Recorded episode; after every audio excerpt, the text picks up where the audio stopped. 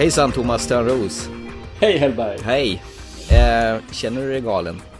Galen? Ja. Ah, jag är mest förbannad. Är du förbannad? Ja. På vem? Maxat förbannad är jag. Aj då. Så, vi, jag trodde vi skulle prata om Mad Max idag, inte Angry Max. Ja, mm, min synonym där är med också. Okej, så det är Mad Thomas och Mad Thomas filmpodcast idag. det är det helt klart. Nej men det är väl dags för ett specialprogram och eh, länge och väl har vi pratat om att vi ska göra, prata om eh, eh, den här fin, fina George Miller-serien eh, med eh, Mel Gibson i huvudrollen. Ja, men hans genombrott får man väl säga på den stora scenen. Ja, han hade väl bara gjort en enda film tidigare innan han blev castad till den här filmen som kom 1979. Somewhere on the abandoned highways of tomorrow, where law is another word for vengeance, where justice is a forgotten memory, and order lies shattered in the ruins of civilization. Somewhere up ahead, a hero is waiting. Max. The crack interceptor for the main force patrol. They've killed his best friend. People don't believe in heroes anymore. They've pushed him too far. Mad Max. Pray that he's out there. Somewhere. Vilken film var det? Eh, Mad Max! Med den fina taglinen The Maximum Force of the Future. Nej, det är ju det är tre filmer hittills här och de kommer från spänning från 79 till, vad är det, 84? 85, 85 är det, 85. Precis. Eh, det har ju blivit riktiga kultfilmer där, så man kan ju inte mer än att man eh, måste ta upp dem. Ja, det är klart. Eh, 1979 kom första Mad Max då och jag tror att Mel Gibson var någonstans runt 24 år bara när han spelade in denna. Tillverkad höll jag på att säga, inspelad i Australien då. Och det, vill du dra plotten kanske? Jag tänkte säga, finns det en plott i den här filmen? Men det gör du såklart. Ja, det är klart det gör. Eh, Det, egentligen, det som har hänt är ju att eh, samhället har väl mer eller mindre störtat samman och eh, det har tagits över av laglösa motorcykelgäng, eller överhuvudtaget lag- laglösa som har gör vad de vill i stort sett. Åker in i en stad och tar vad de göra och eh, våldtar det de vill ha och det finns ingen som kan hindra dem egentligen. Men det finns då ett gäng som egentligen håller på med, jag vet inte riktigt om de är riktiga poliser eller om de bara egentligen är ett eh, nationalgarde som åker runt och försöker hålla ordning på det här. självutnämnda poliser. Japp, och de kallas, vad är de? Bronze, de kallas. I, full, i folkmun. Och Mel Gibson är ju en av hjältarna där då. Det börjar väl med att det är väl en som kallas Knight Rider som har stulit en av deras eh, muskedunder V8. Och det är inte David Hasselhoff va? Ja, det är inte det den här gången. Han är lite mer orakad och eh, inte så vita tänder. Galen och har en tjej bredvid sig så sitter han bara och skriker I am Knight Rider! Ja, men han är cool tycker jag. Du tycker det? Ja, jag tycker det faktiskt. Och eh, sen så blir det lite så här klantigt där med på att poliserna drar ut skogen, alla bil efter bil som kra- kraschar. Förutom då, vad heter det, Max. Som då lyckas väl få- få stopp på honom på ett brutalt sätt. Det vill säga att hela bilen demoleras och han sprängs eller bitar, mer eller mindre. Vilket fint efternamn har Max Rock, Rockat, vad heter? Rokanski någonting sånt där. Ja, det låter nästan italienskt. Ja, visst. Och efter det här sen så blev väl de, hans gäng som Knight Rider med blev väl inte så glada så de ska väl eh, hämnas egentligen. Och det slutade med att en kollega till honom blev väl eh, flamberad. Ganska hans kompis Jim Goose. Japp, Goose. Äh, hette inte han Goose i eh, Top Gun Jo, också? han är mycket Goose här. Ja, precis. Fast det här är ingen Go Gay Way film. Nej, inte på det viset i alla fall. Det är Nej, det beror på hur man ser det. De här eh, motorcykelgängen är ju lite gaya. Ja, det är rätt intressant hur de är, men vi kan komma till det sen. Alla fall. Men man får säga så att där går det vidare och han blev lite förbannad, Mad Max, och kör väl ut och hugger några stycken till. Tills han kommer på att det här vill han inte hålla på med längre, utan han vill vara civil. Han vill vara med sin fru och sitt barn. Precis, så han eh, säger till sin chef att jag slutar. Och de har kommit en bra bit in i filmen faktiskt. Så eh, jag tänkte att efter det här så tar vi och... Ja, vill du berätta mer? Ska vi ta det? Ja, det är väl det att eh, det är väl här egentligen filmen dundrar igång på allvar när Max eh, lägger polisbrickan eller vad han nu är eh, på, och börjar åka på semester med sin eh, fru och barn och eh, blir förföljda av det här motorcykelgänget. Eller förföljda, de blev väl... Egentligen blev de hittade Ja, de man säga. hittade. Det, det Ja. var väl igen, bara Och- slumpmässigt. Och hans fru gör väl det som, eh, ja smart, men ändå dumt. Hon knäar ju en i skrevet där och där blir det lite personligt. Ja. Med gängledaren Toe Cutter i spetsen. Ja, li- rätt coola namn är Ja, faktiskt. men eh, Toe det här. Toe Cutter egentligen. Varför heter han så för? För inte tusan klipper han av något år i den här filmen. Nej, inte i den här filmen gör han inte det i alla fall. Men eh, jag kan ju tänka mig att de hittar nog på någonting där. För det fanns ju massa konstiga namn alltså. Ja, precis. Och Baba. Hans hem. Johnny the Boy, och vad var det mer för någonting? Babba var en ja. Ja. Eh, gillar du det här? Man måste säga för att ta det från början, det här är en gammal film, det är 79 den kommer ifrån. Och de använder ju en helt annan filmteknik här som en, den, det är ju det är en low budget. Det kan man ju lugnt Ja, säga. det är en riktigt lågbudgetfilm. Ja, Han gjorde- även om jag tycker att de lyckas fruktansvärt bra en gång när han blir skjuten i benet i slutet av filmen och sen så visar de upp det här skottsåret och det är riktigt grisigt faktiskt. Mm. Så där lyckas de jättebra med sminkningen. Det, skulle, det skulle passa i en film idag, den sminkningen. Mm. Eh, och man säger så, sen är ju deras musiken är ju hysterisk i filmen vilket gör att det släpper lite grann. ja, precis. Eh, Och sen måste jag ju säga att jag upptäckte hur mycket jag saknar surroundljudet. Ja. Det här var ju bara stereo. eller mono till och med va? Ja, kanske var Mamone också. Jag trodde det var stereo. Men det. Och det, det, det blir... Nej, det, försvinner en... eh, Det försvinner en hel del alltså av njutning, det gör det. Sen så är det som du säger att eh, när de drar igång filmen egentligen den... Det som skulle ta en eh, 20 minuter i en, en film idag innan filmen kommer till sin essens att nu drar vi igång med den riktiga delen alltså. Det tog en timme och 12 minuter i den här filmen. Mm, då är det bara 20 minuter kvar för den klassiska hemturnén. Ja.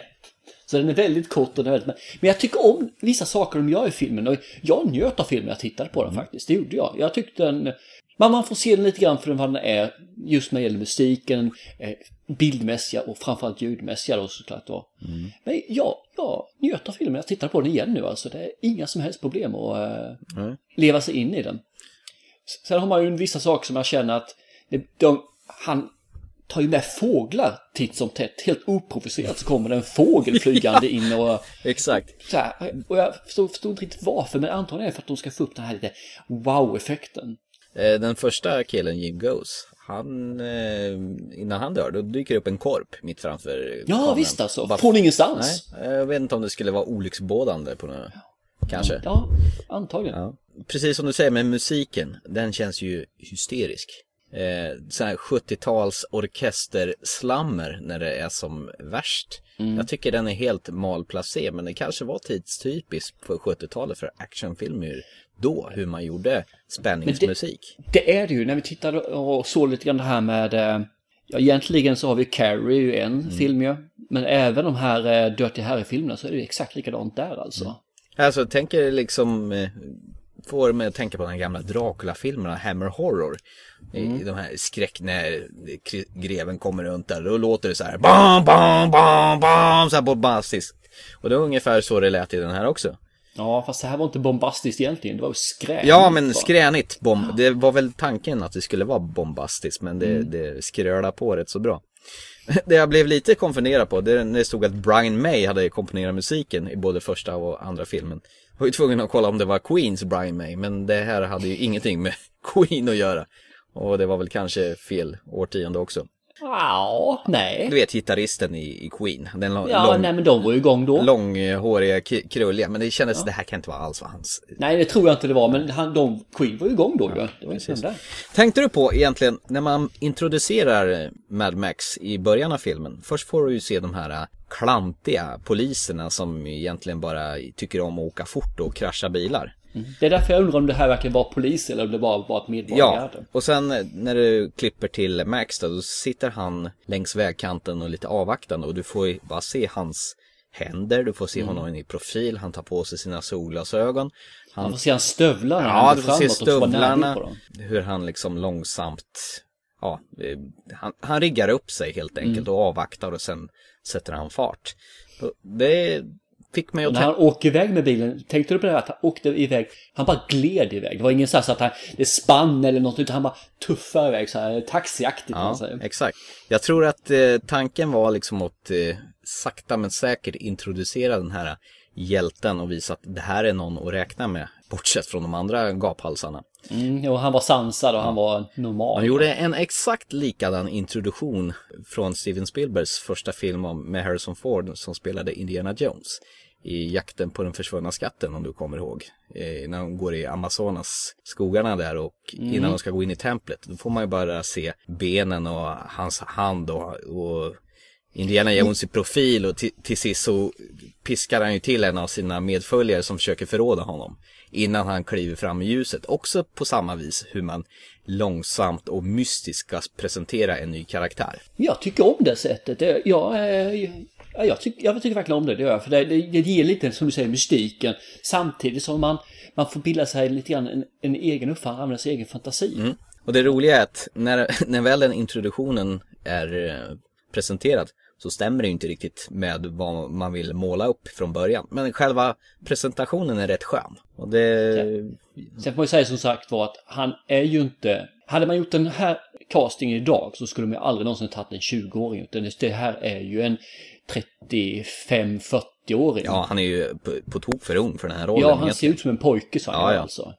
Men han, han gör det bra. Han är faktiskt en riktigt bra skola, skådespelare i alla fall. I alla fall med den tidens mått mätt. Jo, han är inte lika högljudd som senare utan han är ganska Nej. tyst och tillbakadragen. Men det är väl kanske hans roll i den här filmen. Och det, det som är coolt är att han är väldigt känslig med, när han tar hand om sin familj. Det är inte den här att han är den tuffa mannen där. Där är han verkligen älskande maken. Och det, det är någonting som jag inte tror man gjorde så mycket där på slutet av 70-talet, 80-talet. Utan där var det macho som gällde. Den här Dirty Harry, Clint Eastwood, han som dashade dem i rumpan. Och även James Bond, det är ju samma sak ju. Men här var han, vet, han var känslig. Han, han visade att han älskar henne. Och det, inte bara med ord, utan verkligen med kroppsspråk också. Egentligen bara Mad Max som är ganska dämpad och eh, spelar på någorlunda normalt eh, agerande. För de andra, inklusive hans chef, den här skalliga chefen med mustasch som går runt barbröstad och, och eh, piffar till sina blommor hemma. De är så här, "Rör, rör, rör, klart du ska stanna kvar hos oss. Rör." Han är, han är nästan som en serietidningsfigur. Ja, all, alla i stort sett utom eh, Mel Gibson och hans fru överspelar ju. Man ju lite svårt att ta filmen på allvar när, när de agerar på sånt vis. Men återigen, jag tror att det var så man agerade framför kameran mer eller mindre på den tiden. För då kan vi gå tillbaka till Carrie-filmen där vi sa samma sak. Att hon agerade ju väldigt konstigt i första filmen. Så att jag tror att det är lite grann det sättet att man, man agerade då. Har förändrats efter årtionden har gått. Sen var det en sak jag reagerade till också. Och det var ju också väldigt tidstypiskt. Deras lilla barn de hade, eh, var, vad kan han ha varit, tre år eller någonting, två, tre år. det var inte så vidare barnsäkerhet när de sitter och kör med eh, ungen i bilen. Han sitter i framsätet, läs in med en bakpå i pickupen, han kan sitta och leka där. Mamman går iväg och badar. Mel Gibson, eh, Mad, Mad Max står och lagar bilen 100-200 meter ifrån ungen. Han sitter på en filt och leker med en boll. Hoppsan! Där försvann barnet! Det är ingen direkt så här som bryr sig riktigt om vad ungen gör eller inte. Nej, vadå? Han klarade sig själv, han hade ju en boll. Men eh, kände du inte liksom att helt plötsligt så, den här ungen var borta lite ibland? Och de gjorde någonting på egen hand och undrade, var, var, var tog det här barnet vägen? Det var inte, det var inte så noga Nej, det kändes tänkte det jag som. faktiskt inte på. Nej, det var Nej. det inte, har du helt rätt i. Ja, Visst var det skumt? Jag retade, eller retade mig, jag tänkte det på en annan sak som är helt annorlunda. Det var att alla bilar, spelar ingen roll vilken bil det var och när, vad, vilket scenario det var, så hade de alltid en V8 i sig. Det lät i alla fall som en V8. Det var liksom, de, de snodde deras familjewagon de körde runt med, den lät ju verkligen som en raka rör. Och det var någon som stal någon annans familjs bil någon gång där och det var också en V8. Alla lät som de hade en 5,2 liters i sig alltså. Vi har en scen där faktiskt som är ju den, och det är ju den här när eh, hans fru blir, överkörd av dem, när de mejar ner henne på vägen och hennes, hans barn också givetvis blir nermejat då. Och det man får se är det här att motorcykeln kommer närmare och så får man se henne springa. Och sen så klipper man då på det här ett snyggt sätt. Men sen när hon blir överkörd så är det bara att motorcyklisterna kör förbi i den när hon tittar bakåt precis. Och sen så vänder kameran och då får man se motorcyklarna försvinna i fjärran. Och sen kommer en barnsko och bollen rullande. Så man får inte se någon går, inte försök till att det är blod eller att sminka upp och göra det här på snyggt sätt. Eller att man får se hur han träffas av hojarna och flyger runt. Utan det har man tagit bort. Och så har man bara lagt in den här skon och bollen som studsar iväg. emot, eh, från kameran när motorcyklarna åker iväg. Jag älskar den, säger Men jag. varför springer de bara rakt fram på vägen för? Det, hon kunde liksom vika av och springa ut på längs kanten av vägen eller någonting. Absolut, jo jo, men det blir ju ingen bra film då ju. Ja, jag, jag hade gjort så. Nej. ja, men det är därför inte du är regissör. Ja, men det var rätt så tacksamt i alla fall när han sprang i kapp eh, och fick se sin döda fru och barn att man fick se det på håll. Att det inte var någon gris i närbild. Ja men visst är det underbart det. Man behöver inte ha det här att det ska vara blodigt nedsölat. Sen vet jag inte, man visar kanske inte så mycket på 80-talet i början där heller på de här filmer utan det var kanske spartanskt man man inte skulle ha det. Det är bortklippt i alla fall kanske, jag vet inte. Grejen var att den här filmen var ju länge totalförbjuden i Sverige. Aha. Eh, vi tror att det, här och på Nya Zeeland så vägrar de ta in den för visning överhuvudtaget. För att den var tydligen för våldsam för tiden. Ja okej, då ser man. Så det, så det dröjde väldigt länge innan eh, vi fick ta del av den. Jag har för mig att jag såg den skapligt tidigt på video. I alla fall första gången jag såg den. Ja, för den här filmen, jag tror jag såg den sista av alla tre filmerna faktiskt. Okej. Att, eh, Vi har en scen till som jag måste ta som jag, deras sätt att filma, för det, det är som sagt en lågbudgetfilm, men hur man använder det här bristen på pengar genom att göra någonting annat istället. Och det, när hon har varit och badat som du sa nu här så är hon ju springer hon genom skogen hem för hon blir jagad av de här gänget som det är ju. Det de gör liksom att man, de filmar henne och så filmar de andra och sen helt plötsligt så filmar de dem genom hennes ögon. Och för att man ska se, känna paniken, så, så som jag tolkar det för att man ska känna paniken i henne så har man blurrat bilden, gjort den suddig. Och sen lite trångsynt och så har man skakat lite grann på kameran samtidigt som hon tittar sig omkring.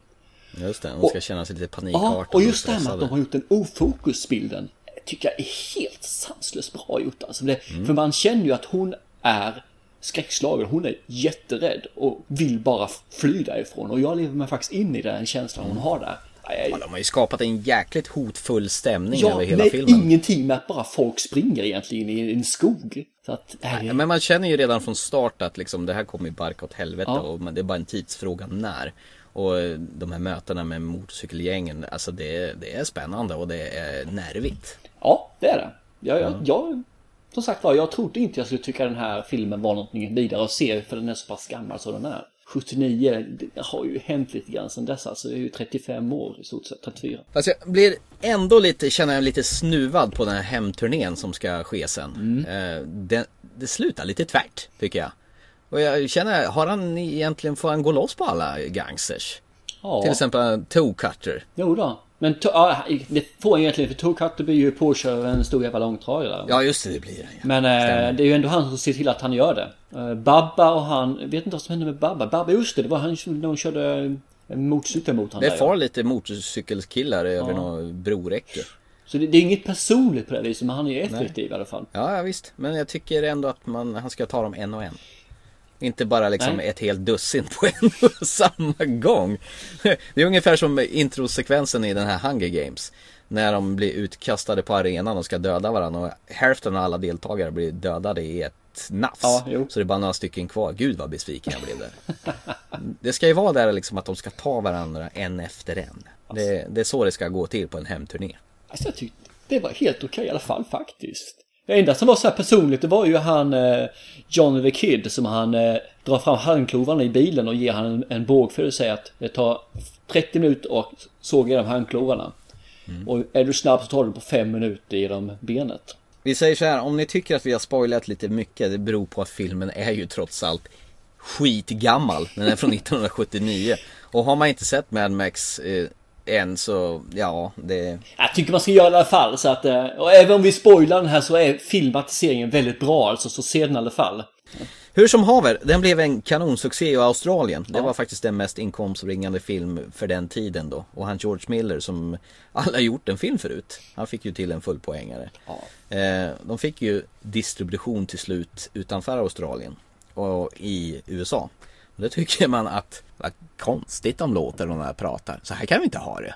Så det var Warner eh, som fick ta hand om distributionen där eh, och med ett annat bolag. Och då menar de på att nej, vi måste dubba om alla de här eh, skådespelarna, inklusive Mel Gibson då. För den här bräkiga australienska dialekten, det, vissa saker, vissa ord ändrades till andra ord dessutom. Fönsterruta fick heta någonting annat, windshield blev windscreen och så vidare. Okej. Eh, och deras oj, det blev hej. Ja, de, de, eh, det, det, det var inte rätt för tiden. De klarar inte av att höra eh, sitt amerikanska språk på en annan dialekt helt enkelt. Ja, det är Så- rätt intressant faktiskt. Heldubbat blev det. Det gjorde dessutom att filmen blev ingen vidare succé i USA och den föll lite lätt i glömska Ja. helt enkelt. Den försvann och, och eh, glömdes bort. This is what it has come to. Here is where it shall be decided. Greetings from the Humongous. In a world without gas, The Humongous rules the wasteland. I'm gravely disappointed that you wish to take the gasoline out of the wasteland. this is a land that prays for a hero. This is Mad Max 2. Got yourself a deal. You can run, but you can't hide. You gonna crash or crash through? I was wrong about you. I'm sorry.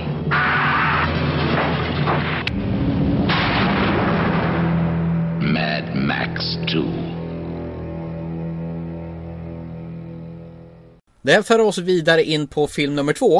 Eh, The Road Warrior. Och det kom an på att när eh, Miller eh, ville göra en uppföljare två år senare. Så kunde de ju gärna inte när de skulle lansera filmen i USA kalla den för Mad Max 2. För det är ju inte en enda människa som har en aning om vad Mad Max 1 är. I och med att filmen gick så fruktansvärt dåligt i USA och knappt ingen såg den. Då, då gjorde man det här draget och kallade filmen The Road Warrior istället då.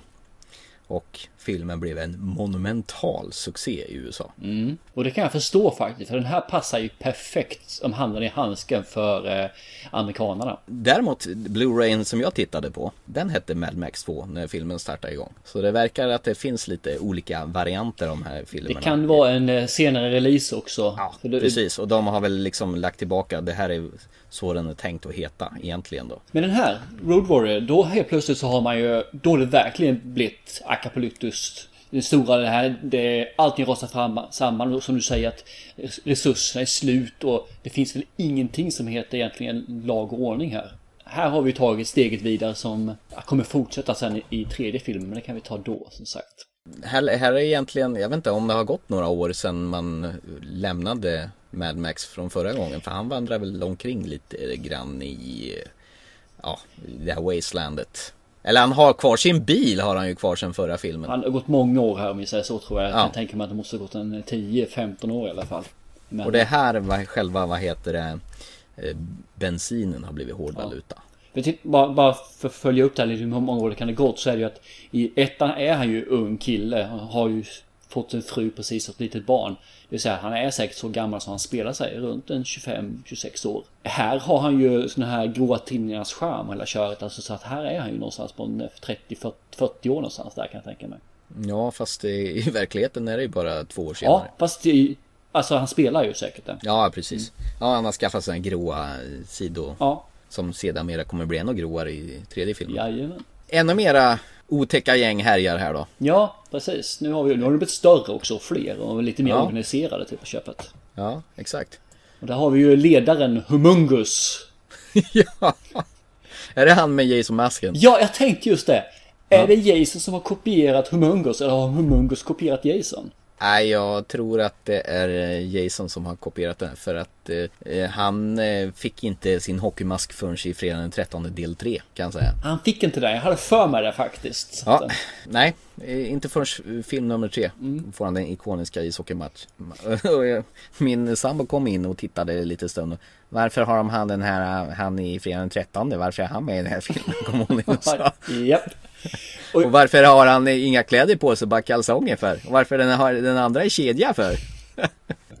Nej men jag, jag kan inte förstå liksom. Jag, jag tycker varför ska Humungus ha den här hjälmen och sen så är han tunnhårig och ser ut som han är skadad på något vis. Och man får inte se någon förklaring, man får inte se honom utan masken. Och varför ska han vara en stor biffig sak med muskler som sväller som Arnold Schwarzenegger? Ja. När han inte ens är fysiskt aktiv någon gång i filmen. Nej, men hans henchman då? Han med eh, mohikanfrisyren då? Ja, vad hette han för någonting? Kommer faktiskt inte ihåg. Man, är lite pappig säger i alla fall till honom. Men, Ja, eh, och sen har han ju någon sån här bögkamrat som han åker runt med på bak, bak på på motorcykeln i sån här 80-tals blond frisyr Ja, och nitar och läder och grejer. Som är hans bitch eller någonting. Han gör inte så mycket väsen över sig förutom att få en bumerang i huvudet och dör. Exakt. Och det, det, det, det leder ju in till den här lilla killen som är som ett litet vilddjur. Ja. Som i berättarrösten i den här filmen dessutom. Ja, Som eh, har en djup melodisk jätteröst. Ja, det kan man ju inte tro när man ser den li- lilla håriga ungen som springer runt som en apa och kastar bumeranger Ah, Nej. Och så de gör trickfilmning där de ska fånga bumerangen som är under all kritik. de speedar upp fi- filmen gånger tre. Sånt där gör man inte idag va? Nej, som tur är. De, de gjorde det flera gånger i filmen de spelade upp. Det syntes så noga. Ja, när de körde bil Ja. ibland. Men det gjorde man då. Det, det var Ja. så man gjorde, det vet jag. Så att, eh.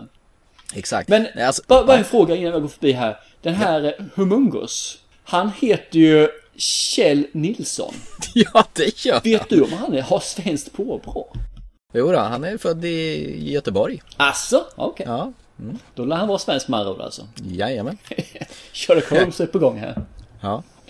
Nej, alltså när jag tittade på den här igen. Det jag kommer ihåg som bäst av den här filmen om man ska liksom, ja Mad Max, The Road Warrior. Jo, innan vi man- går vidare här. Ska vi Ja. göra det vi gjorde i första filmen? Ska vi kanske ta lite en eh, resumé vad den handlar om?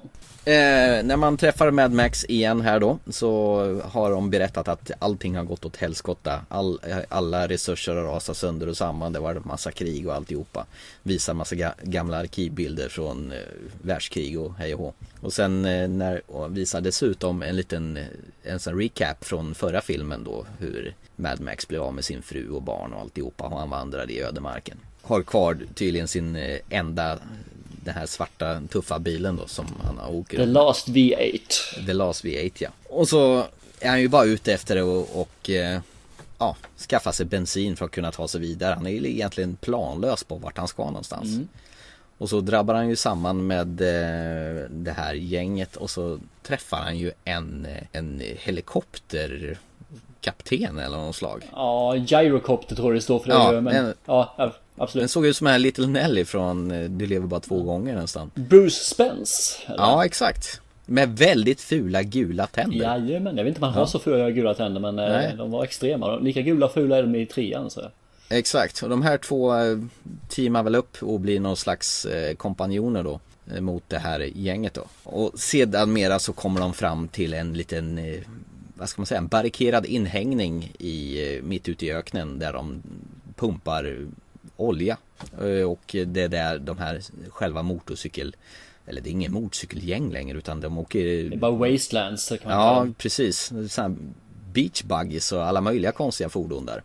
Som vill åt den här oljan, eller bensinen. Det är någon slags raffinaderi de har där då. Och eh, på något sätt så blir ju Mel Gibson eller Mel Max indragen där och eh, Ja, de skickar väl ut några för att ska scouta för de vill egentligen åka därifrån till det ja, förlovade landet. Ja, exakt. Det ska ju finnas ett land där allting är toppen och rikedomar och de har sett vykort med bikini-tjejer och så vidare. där allting ska vara så bra. Men det går inte så bra för dem. De blir tillfångatagna av det här gänget Ja, och och blir... då får han väl det här att om han eh, räddar den här killen som han eh, stöter på där och för, han tillbaka hem då till den här där uppenbarligen ska han få så mycket olja han kan bära med sig i stort sett. Ja, precis. Men det slutar väl med att han dör och därav dör väl hans avtal också som det uttrycks Ja. av Pappa Pejo eller vad han heter för någonting. Exakt. Och han får teama upp med det här eh, gänget som är barrikerat där då. Motvilligt ska man väl säga. Ja. Mycket motvilligt. Ja, och det hela nyckelscenen med den här filmen det är att de ska frakta en tankbil därifrån. Och de vill ju jättegärna att eh, Max ska köra den där för de inser att han är en man att räkna med. Jag måste säga så här, i den här filmen, i första filmen då är han ju eh, lagens förlängda arm och så vidare och så vidare. Mm. Men i den här filmen är han ju nog, vad jag tror, den första antihjälten på... Han är en riktigt antihjälte. Han är ju inte intresserad av att hjälpa någon utan han är Sig själv bara. ja, sig själv närmast och vill bara ta sig vidare. Och han tvingas hjälpa andra bara för att det ska gynna honom. Ja, precis. För att han ska få den här bensinen, för att han ska kunna ta sig vidare, för att han ska kunna överleva. Det är rätt annorlunda faktiskt att eh, Ja, så. Ja, framförallt på en 80-talsfilm. Där allting där the good guy är verkligen helylle killen. Och han gör inte så jäkla mycket för de andra egentligen. Nej, inte förrän när han själv tycker att nu ska jag hämnas. Om man säger Exakt. så. Nu hjälper jag er. Ja, nu är jag tvungen. Ja. För nu är jag förbannad. Och han är inte ens snäll mot den här killen, lilla killen som är med bumerangen som vi nämnde Ah, tidigare. ge honom en liten speldosa. Ja, det som spelar han. Happy Birthday to you och något sånt där. Eh, man säger så här att det du nämnde var att det var pampig musik i ettan. Ja. Här tycker jag det är pampig musik och den går... Ibland tänkte jag jag måste nog sänka volymen lite grann för det- de drog på ordentligt med musiken alltså. Mm. Det är ju samma Brian May som har gjort musiken som till första filmen. Ja, fast här lyckas kanske- han få till eh, extra mycket känns det som. Ja, de pumpar på rätt så ordentligt i actionscenerna Ja. så det blir lite lätt överdrivet. Alltså så man att hör musiken- inte ens motorljuden ibland. Nej, de har, har lite taskig balans där med musik och ljud och så vidare. Om man säger så här, första filmen så benämnde jag han som pojke Mel Gibson. I den här varianten så är han ju mannen, eh, en skitigare Mel Gibson har jag skrivit i mina anteckningar. Mm. För han är inte ren någon gång tror jag. Nej, det är han inte. Eh, Det är verkligen inte. Och det som är intressant här det är ju att alla åker omkring med sådana här amerikanska hockeyaxelskydd. Alla har detta och så har de då olika typer av hjälmar. Eh, De flesta har en sån här, eh, vad heter det som man har, man tar, durkslag heter det. Som hjälm. Det har de flesta känns det som. De har ett durkslag på huvudet. Och de här the good guys som håller på att pu- pumpa upp oljan. Alla de har alltså kritvita kläder och kritvita axelskydd. Ja, de ska se lite sterila ut. Ja, och det är intressant att man har det i en eh, wasteland som det är Alltså en öken egentligen, där det flyger runt en jäkla massa sand och då ska man då ha vita kläder. Det, det känns jobbigt. Till och med tjejen med vit tofs hade vit tofs. Ja visst, Det allting håret som- var klart, klockrent vitt alltså. Det, de ser ut som, ja verkligen så här Guds sändebud. Eh, Det, det som är mest ikoniskt med den här filmen i alla fall, jag- det var det jag skulle komma till förut. Det är ju den lilla killen med bumerangen då. Som skickar iväg den och sen är det någon tok som säger Jag tar den, jag tar den! Och så sträcker han upp handen och så blir han av med fingertopparna. Och så skrattar alla bara Det är väl ungefär vad jag kommer ihåg av den här filmen. Det är sådana grejer som, som satte sig. Aha, okej okej. Ja. Nej, eh, den, den sitter Och ju sen att de med. kör väldigt mycket lastbil. Ja, nej, jag kommer ihåg det här med... För det var första gången jag såg den här konstigheten när han blev påkörd i, i den här med mohikanfrisyren, blev påkörd och sen åker han iväg och blir krossad då i- med någon annan bil. Men han sitter då fast där framme på fronten Ja, och hoppar upp då i ett eh, senare tillfälle i filmen, faktiskt rätt långt senare får man säga. Jag funderar på en sak. Jag sa ju tidigare då att de presenterar Indiana Jones på någon liknande vis som de gör med Mad Max.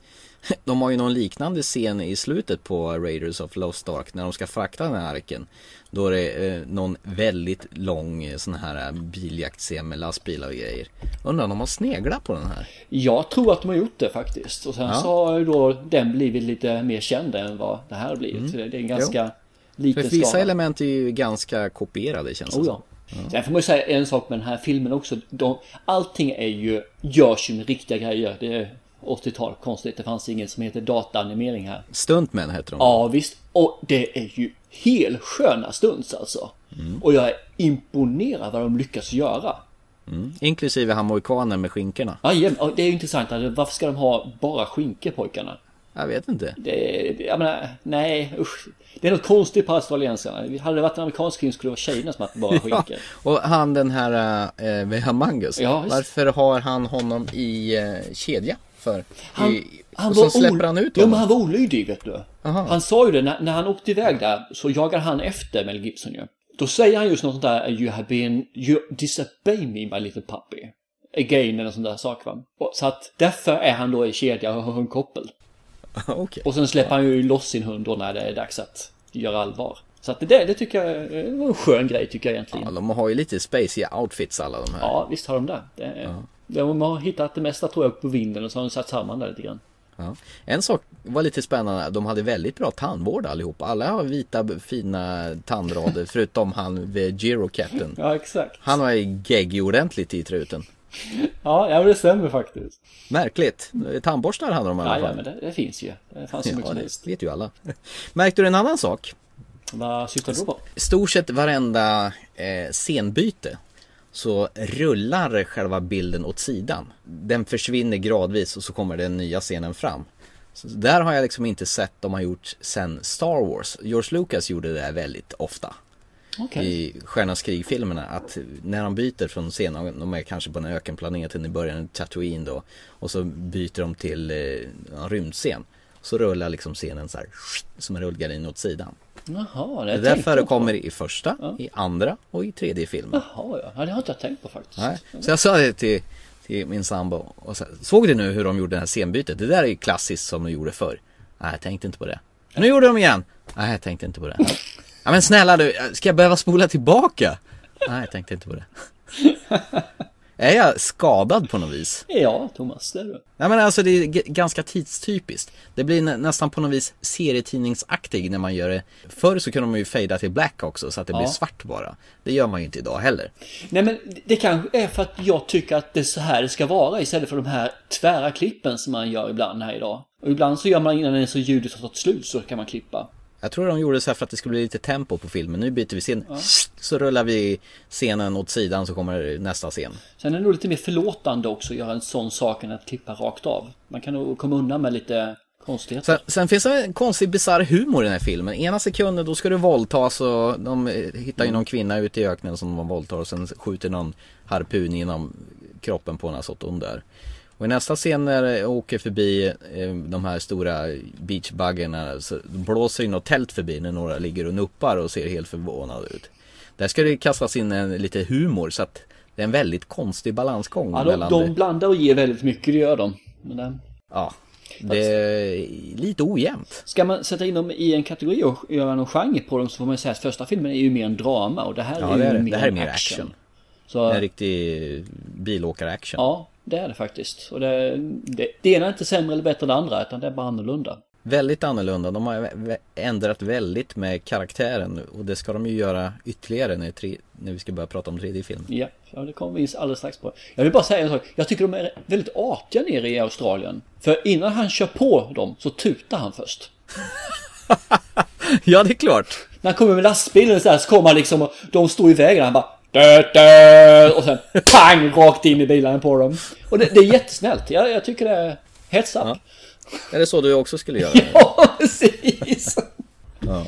Ja, jag tyckte det var lite charmigt. Alltså, jag skulle helt klart kunna åka till Australien enbart för att njuta av deras artighet. Vad tyckte du om filmen så här då? Det är ju som sagt var 30 år sedan den här också gjordes. Ja, nej men det är jättekul att se de här filmerna igen. Och eh, jag finner stort nöje att se på båda, båda de här filmerna faktiskt.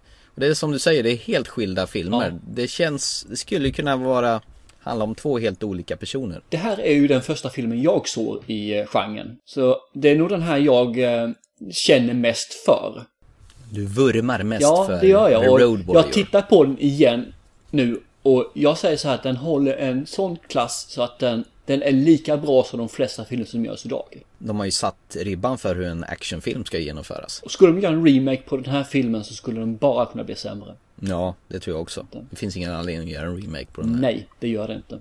Det går inte. Jag tror inte hur de skulle lyckas med de här knasiga skurkarna med hockeymasker och fick nakna göra det fick man göra om totalt ja. I sådana fall. Och med en helt annan approach. Mm. Så går vi in på film 3. The world had been through a trial by fire, and only the greatest warriors and their deadliest enemies emerged from the flames. Who are you? Nobody. Mister, I can feel it.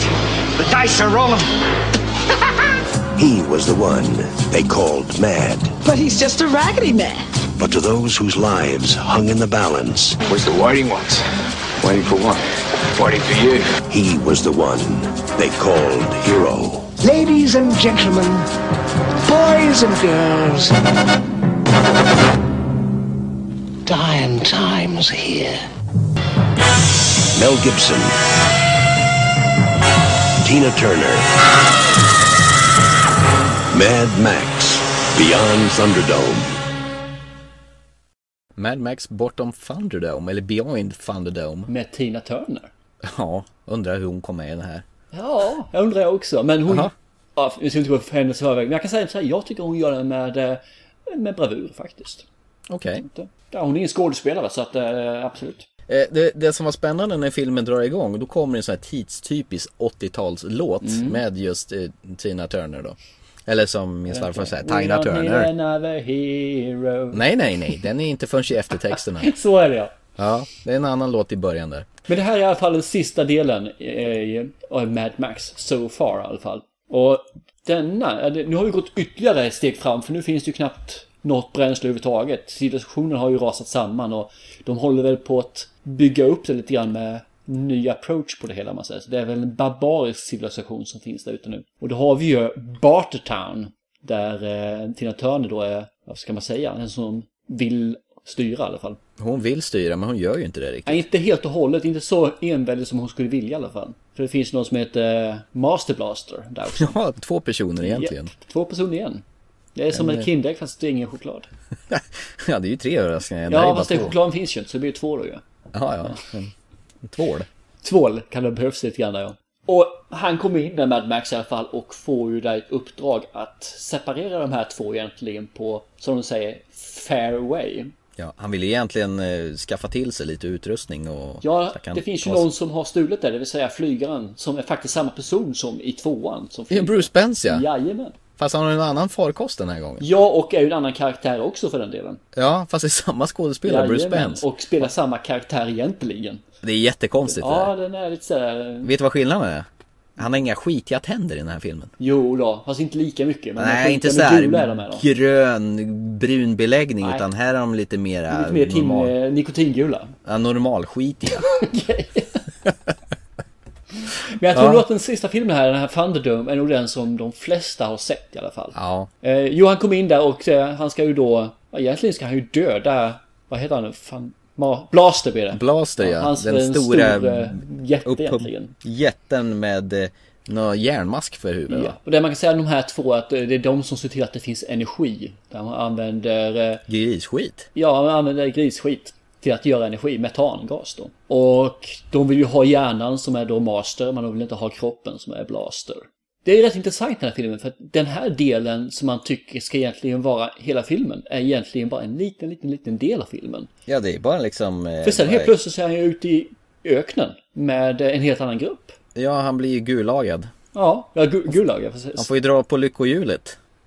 Nej, det var lite så här småkonstigt. Men det, det, det man säger så, det är ju det här som det här eh, sceneriet och allt det här de har byggt upp och göra en ny civilisation med lite modern twitch i det hela. Det är sånt där som jag verkligen älskar i sådana här filmer när man får det medeltida med det moderna som blandas på en, ja, en riktig konstig cocktail. Fast nu känner jag att vi hoppar över liksom själva titeln på filmen, själva Thunderdome. Ah, okej, kör den. Han eh, har ju ingenting att erbjuda så han erbjuder sin tjänster. Sin kropp. Ja, sin kropp. Och det blir ju Och att eftersom han bordellen var full så får han göra något annat då. ja, det skämtar de ju rätt så fränt med. Det är ju lite kul. Det märkliga är, trots att det inte är Auntie Anity, alltså Tina, Tina Turners rollfigur som bestämmer så har ju hon satt reglerna på vad som gäller. Mad Max ska möta den här Blaster i en stor dome, någon form av envig. Där två män går in och en går ut. Så det är, är det. rätt intressant. Om det är två kvinnor eller en man och en kvinna. Ja men det är aldrig två kvinnor som får slåss i den här antar vi. Vilket synd. Ja. Och där ska de slåss med alla andra vapen, bland annat motorsågar och grejer. Ja. Som inte ens är tankade. Nej, och det är lite intressant där för Max får ju så mycket spö här så det finns inte. Han är ju egentligen inget duktig utan har lite tur antar Han är ju snabb och smidig. Det är väl egentligen det han lever på. Och den motorsågen, det går inte så bra för honom med den där. Nej. Den stannar och eh, han får tag i lite spjut och grejer och... Det slutar ju med att han slår av hjälmen och det visar sig att den här stora Blaster är ju bara egentligen efterbliven eh, pojk kan man säga egentligen. Ja, han flinar väl lite dumt Ja. åt han honom och man ser att han ser ut som någon sån här Quasimodo utvecklingsstörd mongolid. Och han vägrar ju då döda honom. Och därav att han då blir straffad för att han eh, inte har fullföljt ett avtal. Just det. Fast han vann fighten så förlorade han i alla fall för han inte följde avtalet. Han blev förvisad, satt på en häst och ute i öknen. Ja, med med ett någon konstig huvud på. Ja, men en sån här serie tidningsfigurshuvud av något slag. Ja, för jag tror att det huvudet han har på sig där finns med i Shrek 1. Jaha. Det är när han ja, som- men det stämmer ju. Det är en vink mot den då förstås. Då. Så att det, det var rätt kul. Jag, tänkte på det faktiskt när jag såg Shrek, utan jag tänkte på det när jag såg om nu den här eh, Mad Max-filmen, Thunderdome. Man skulle ju kunna tro att de tog ihjäl den här hästen på riktigt. För det gjorde de, den scenen rätt så bra. Absolut. Men det är väl här filmen bara byter spår totalt. Ja, nu träffar han ju egentligen eh, barn, kan man säga, som har levt i eh, någon eh, oas eller något sånt där. Och det är här jag tycker att filmen saboteras totalt. Ja, tycker jag. jag håller med. Den, den, den blir inte vad den skulle kunna varit. Det här slutar att vara våldsorgie och blir någon slags matiné barnvänlig historia hux flux. Japp. Eh, Mad Max blir Peter Pan och han träffar eh, Tingeling. ungar- Ja, Ja, men hon är ju Tingeling den Ja, ja det stämmer. Och ungarna i landet Ja, ingenstans. precis. det är ju de här glömda ungarna fast de här är de väntande ungarna som vill träffa sin flygplanspilot som heter Captain Walker. Captain Walker. Så ja. Peter Pan är inte Peter Pan utan Peter Pan är Captain Walker. Precis. Men eh, likheten är ju snarlik. Ja, jo, absolut. Ja, ja, jag köper det. Det- är trikåerna som fattas. Nej, det blir så dumt. Och likadant här är ju samma sak. Han är ju, hjälper ju de här motvilligt då. Ja, bara för att stuket. Sen så ska man ha den här sista scenen som man, man får glömma den delen som tyvärr är ganska lång. Den är nog närmare 20 minuter tror jag. Och det får man nästan glömma i filmen för sen så blir det ju det vanliga igen egentligen. Jo, det kommer ju mot slutklämmen så blir det ju den vanliga bilåkarjakten. Nej, den här mittpartiet, eller det som nästan genomsyrar hela filmen, det är ju katastrof. Ja, jag kan inte mer än hålla med dig där. Det kan jag. Nej. Bara för, jag ska hoppa lite grann här. Eh, Jag får säga en sak som de lyckas med i alla tre filmerna faktiskt. Och det, det, är, det är något som är storartat detta, för att det är ändå en film från 73, och, Nej, 79. 79, förlåt, 79, 81 va? Mm. Och 85. Det här är alltså de exploderande bilarnas årtal det här alltså. Alla bilar som man nuddar med någonting sprang i brand och exploderade.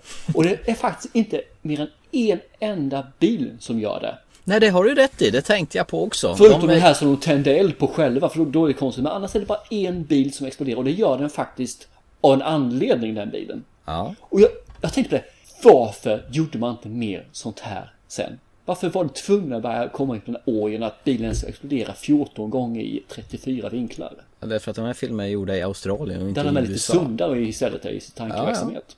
De var ju artiga. Och artiga, precis. Nej, så det tycker jag, bara det har ju gjort den här filmen alltså något fruktansvärt. Du tyckte Tina Turner skötte sig bra i den här? Ja, det tycker jag faktiskt. Jag tycker bara hon går runt och flinar hela tiden. Bara, hon, hon gör sitt där, där är jag såhär. Ja, nej, Och- och- jag vet inte, nu är jag ju, jag tycker om Tina Turner och hennes musik. Jag lyssnade väldigt mycket på den när jag var yngre. Så jag kanske är lite färgad av henne ska jag väl säga också.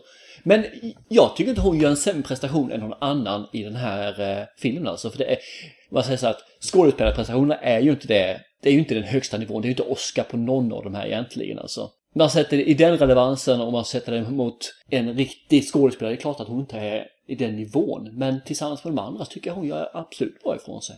Ja, jag undrar det liksom att de vill ha ett soundtrack till den här filmen och sen, ah! Vi kastar in Tina Turner i en roll också. Det kan de väl ha? Ja, så kanske tog lite mindre betalt. Ja.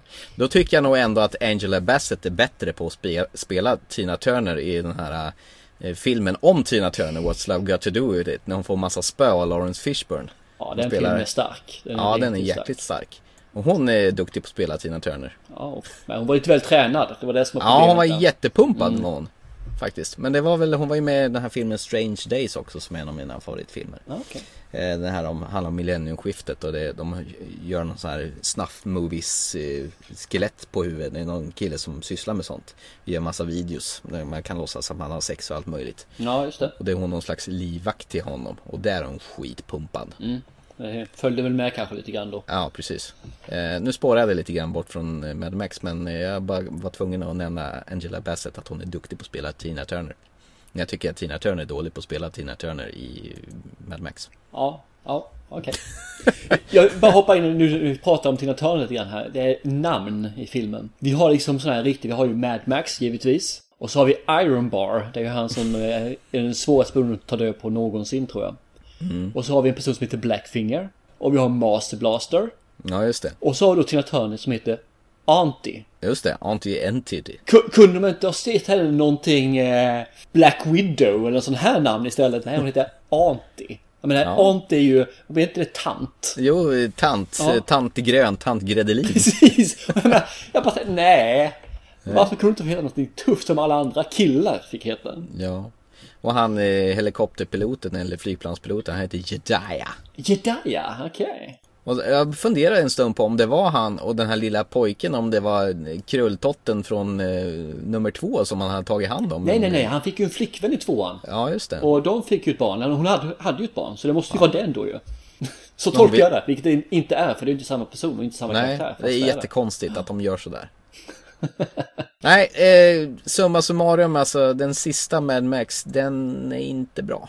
Första delen är bra, när han kommer till bytarstaden. Tittar man på eh, IMDB och ser hur de har ratat den här så är faktiskt Road Warrior den första, eller liksom ligger överst med 7,6 i betyg. Och ettan då, eh, Mad Max, ligger på 7,0 har för mig. Och tittar vi då på Mad Max Bottom Thunderdome så fick det bara, bara ska man säga, men 6,2. Och 6,2 är faktiskt ett bra betyg för vara Ja, film. det är det absolut. Så att eh, den är den sämsta filmen betygsmässigt också. Det är den. Sen, sen tog det ju stopp där, helt enkelt. På Mad Max. Ja, det får man ju säga ju. Fast det har ju varit... Ja, ska vi gå in på den nu med en gång alltså? Kan vi göra. innan vi gör det så vill jag ta en sak till. Mm. Och det är i tredje filmen här nu så finns det en eh, textlinka när, när filmen är slut. Och det står Mm. det For Byron. Ja, just det. Det är det sista som står när Yes. Eh, för Och eftertexten jag börjar var ju rulla. jättenyfiken. Vad är detta för någonting? Det är så här att eh, det är den första filmen, Mad Max-filmen som är gjord utom, utan Byron Kennedy. Han eh, dog i en helikopterolycka. Just det, Byron Kennedy, det var väl hans, George Millers medproducent till Exakt. de här filmerna. Så de första två filmerna var han med, men han dog liksom under tiden här då i en helikopterolycka. Och det här var då en tribute till honom. Så att jag fick med svar på frågan där. Jag tyckte att det var lite konstigt att skriva For Byron bara sådär. Ja, i synd att George Miller fuckade upp ordentligt med den här då. Mm, ja, ja, man får kanske skylla på sorg eller någonting sånt där. ja, kanske. Nu kan vi släppa in eh, framtiden i våra liv. Ja, Mad Max Fury Road. Japp, som egentligen skulle ha kommit för länge sedan. Den skulle komma 2003. Du, det har varit en lång produktion på Mm. den där då. Och anledningen till att inte kom 2003, för den fick faktiskt pengar. Den fick alltså grönt ljus för 100 miljoner i budget 2003. Det är mycket pengar. För 2003 är det ofantliga pengar. Ja. Men det var lite konstigt, för det var ju det här med Irakkrig och sådana saker. Som gjorde att amerikanerna inte släppte in dem i eh, Nambia. Som de skulle vara. Eller Na- Namibia, förlåt, Namibia. Ska de spela in där? Ja, de spelade in scenerna där som jag vet om. Så det här lades på is. Och sen så kom det igång 2006 igen. Jag vet inte riktigt vad som hände men om man säger det, här. det här har varit igång 2006, 2009, 2011 började man filma igen här då. Och det är Nami- Namibia som man filmar de här sakerna. Problemet är att det har varit turer då att eh, Namibia har sagt att ni förstör öknen och de här eh, utrotningshotade växter och djur då så att de har inte fått filma. Men nu verkar det som att den är filmad och det är väl bara det sista som ska göras i filmen för att göra den klar. Och nu sätter man ju den 2015. Mm. Mycket som kommer 2015. Jag tror att det kommer bli ett riktigt höjda år. Och jag kommer bli så besviken. Ja, förmodligen. Som eh, science fiction-året 2013 kanske. Ungefär, ungefär. Fast eh, i den här så är det väl inte Mel Gibson som spelar Max Rot- Han var ju påtänkt att göra det 2003. Men han tappade ju väl tålamod tror jag. Och sen så nu är han ju lite gammal. För den här filmen ska utspela sig mellan ettan och tvåan. En tid mellan ettan och tvåan. Mm. Då har de istället greppat Tom Hardy. Och jag tycker, jag vet inte om de lyckas få honom att eh, sminka upp honom. Men han, utseendemässigt så passar inte han. I alla fall inte på den bilden jag har sett honom. Senast så såg man ju inte honom alls i Dark Knight Rises när han spelade Bane, den här eh, maskerade eh, gangstern då. Mm. Eh, sen var han med Inception med DiCaprio och den här filmen där de slåss om samma tjej. Jag tror hon Lawless. Nej, eh, This Means War. Ja, den, okej. När han och eh, en annan eh, agent slåss om eh, Reese Witherspoons gunst. Chris Pine är det förresten. Som han krigar med. Chris Pine vet från Star Trek. Som spelade Captain Kirk. Yes. Eh, Into Darkness som jag gillar så våldsamt Ja, det är din favoritfilm ju. Som Ja. jag har lovat att inte ta upp fler gånger. Oh, oh, oh, förresten. eh, De började ju köra Sherlock på SVT här om veckan. Och det, det var ju precis lika bra. Är säsong tre som det har varit tidigare. Rekommenderas väldigt varmt. Se Sherlock. Fick du det sagt också? Ja, absolut. Självklart. Nej, men vad tror du? Tror du det kan vara någonting att eh, räkna med i Jag, jag tycker om det här att de har lagt det, inte som en, en prequel eller en uppföljare utan att man har lagt en, eh, vad blir det, vad blir det när man vill ha den mitt i? Ja, vad blir det då? En midquel? ja, någonting sånt där blir det i alla fall ju. Då kan man göra lite grann vad man själv vill egentligen av den. Jag tror att man kan eh, göra något nytt och eget av den här filmen istället för att man ska göra någonting som är vad folk tror om Mad Max. Så jag hoppas att försöka göra en twist på det och ändå försöka behålla lite grann av känslan i den. Mm. Det är fortfarande George Miller som regisserar. Han vägrar släppa det där tydligen. Ja, men det är han som drivit det sedan 2003 så att eh, han släpper nog inte den. Äh, alltså, vet du någonting annat han har gjort förutom Mad Max? Eh, George Miller menar du? Mm. Eh, ja, han har gjort Happy Feet 1 och 2. ja, eh, han har varit producent till den här jättefina filmen eh, Dead Calm, eller Lugnt Vatten. Kommer du ihåg den filmen? Med Sam Neill och eh, den Ja, här... jo, den kommer jag ihåg nu. Ja, och eh, vad heter hon som var gift med Tom Cruise? Eh, Jo, för, för tusan, Nicole Kidman. Mm. När de är ute och åker båt och så tar de ju upp en, eh, en skeppsbruten kille, Billy Den, Zane. den då. var eh, creepy. Den Ja, väldigt creepy. Ja. Jag vet, jag såg den på bio och hoppade till rätt många gånger under den filmen. Ja, den var... Ja, framförallt på, på båt vet du. Det går inte att komma undan på något vis. Och sen eh, fick ju Nicole Kidman sitta i ett eh, fängelse i Bangkok i en miniserie som heter Mm. Bangkok Hilton, eller? Ja, den var också fruktansvärt bra Ja, den älskade jag. Jag följde den eh, slaviskt den. Jag vet inte om man var utsvulten på bra serier då eller om det var så bra som jag kommer ihåg den. Jag kommer inte se om den så att... eh, Men jag tror att den var så bra. Din eh, favorit är ju med den Hugo Weaving. Han som är Mr Anderson i Matrix och eh, V för Vendetta. Det är ju rätt intressant att du igen tar upp mig, att det är min favorit. Ja, men det är ju det. Ja, jag, jag tycker om honom. Jag ska Ja. inte säga annat. Att uh, Hugo Weaving är bra. Att uh, Nicole Kidman är bra också. Så att, Ja.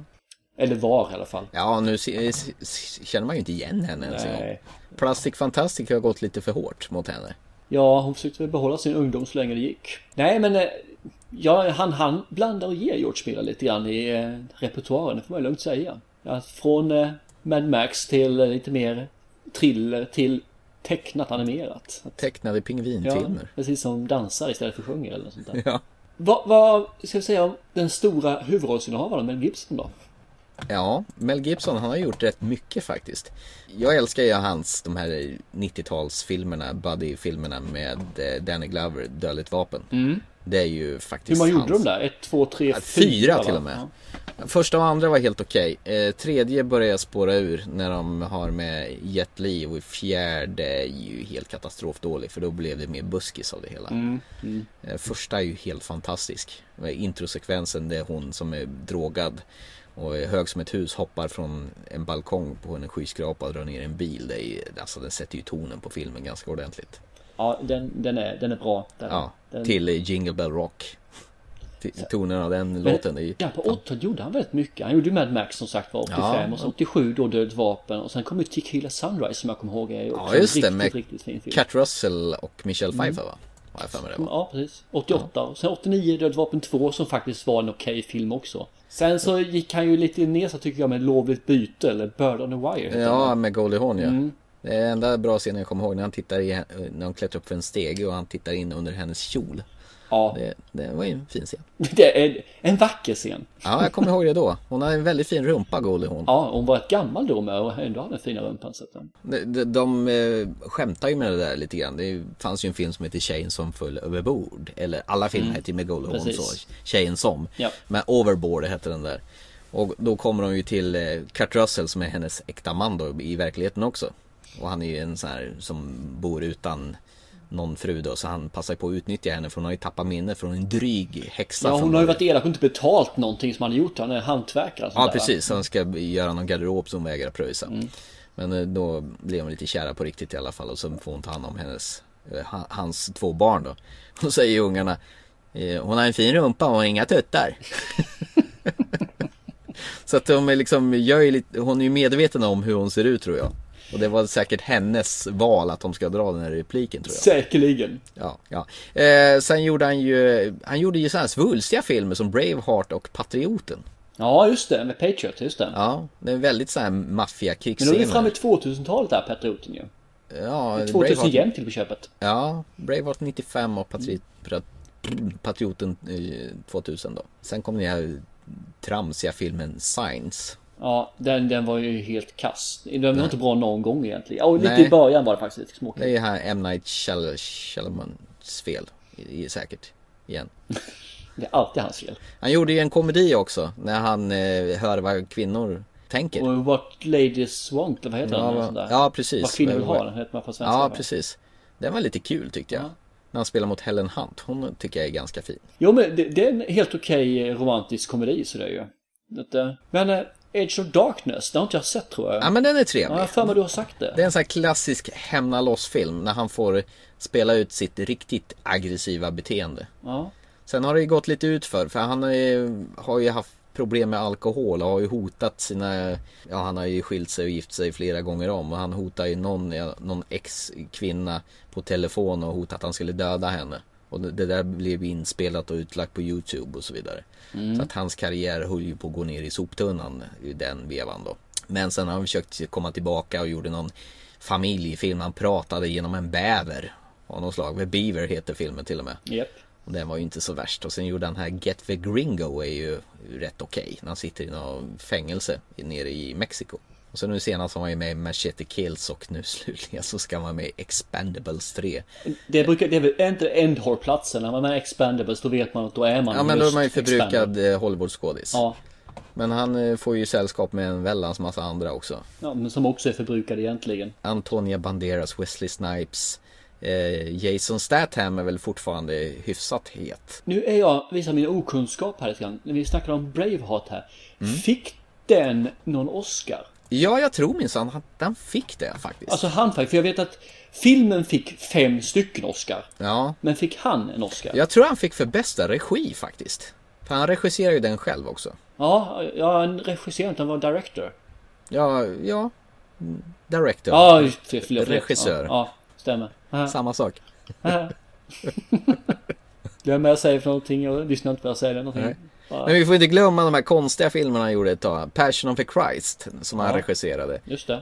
Han gjorde ju en Jesusfilm där han fick så mycket spö den här Jesus. I Han gick ju till överdrift där, eh, Ja. verkligen. Jag har för mig, var det där han började med det här med att de skulle prata på originalspråket också? Att det var här hebreiska och det var, eh, ja, Exakt. latiner och Sen gjorde han den här Apocalypto också, de här Maya-indianerna. Ja, den, den tyckte jag om faktiskt. Den var riktigt fin. Ja, den var grym. Ja, ända till slutet när den blev Pocahontas. Ja, jo, jo. Men eh, slut är alltid svårt. Så jag, jag brukar inte bli så upprörd längre över sluten. Nej, det är ju i och sig sant. Men den är, den är jättebra. Och den är också på något sånt här konstigt språk. Ja, för den är, jag, jag tror det är på eh, deras inka där eller vad det kan vara för någonting. Han verkar vara sucker för att göra på originalspråk. Du, 2006 när den släpptes, det kom jättebra filmer där i året. Det var ett riktigt bra filmår kommer jag ihåg. Ja. Men du, det är kanske är en hämnd för att de dubbade Mad Max. Jag ska inte dubba någonting! Nej, jag ska göra allt på originalspråk. Här ska ni få, era jävlar. Nu har jag stålar så nu gör jag vad jag vill. I jul! Vad sa du? Förlåt, 1900... 2006 var det. Ja, just det. Ja, För då kommer jag ihåg årets bästa film där, Departed. ja den är fin. Riktigt bra. Med eh, DiCaprio va? Ja, precis. Och Han Matt Damon! blir mulad där, DiCaprio. Ja, DiCaprio, han kommer ur hissen ja. Den såg jag, jag var på dejt faktiskt när jag såg den på bion. Den jag såg den med var en eh, polisaspirant. Och det var rätt kul eftersom vi var en polisfilm också då ju. Tyvärr hade hon inga handbojor så jag fick inte... Du fick inte Nej. uppleva det. Nej. Nej, men det är absolut. Han har gjort mycket filmer bra och dåligt. Jag hoppas att hans karriär tar lite fart i alla fall så här på ålderns höst eller vad man ska säga. För jag tycker ändå att han är en jäkligt bra skådis. I de karaktärer han eh, klarar av. Han, är, han, är ingen, han klarar inte av en bredd utan han har en genre. Ja, det har han. Och han ska hålla sig till den genren Ja. tycker jag. Absolut. Och absolut, där klarar han sig. Det gör han. Mm. En hård för action eller något sånt där. Där, där är han bra. Eller en viss komedi också för han, han har en kom, komedisk ådra. Ja, Flykten från hönsgården. Är han med i den alltså? Ja, han är Rocky. Han är rösten till den här tuppen som ska hjälpa dem att fly.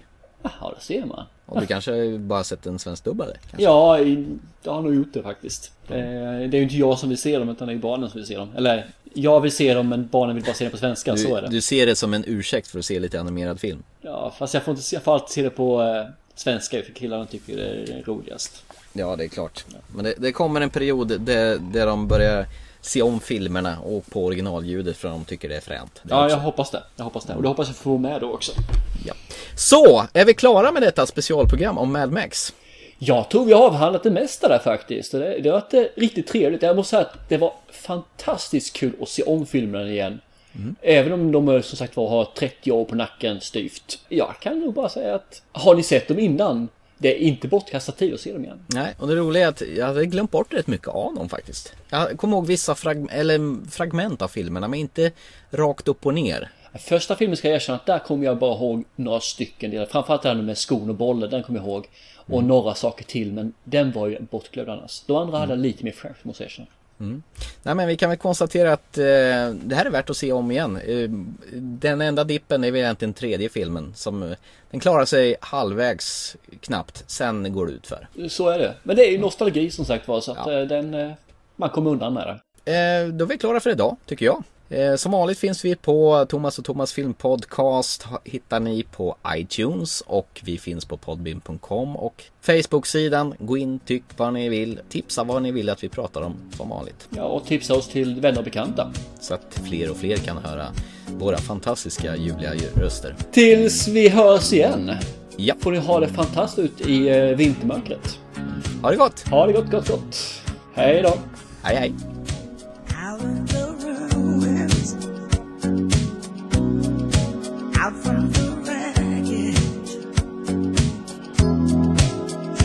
The same mistake this time.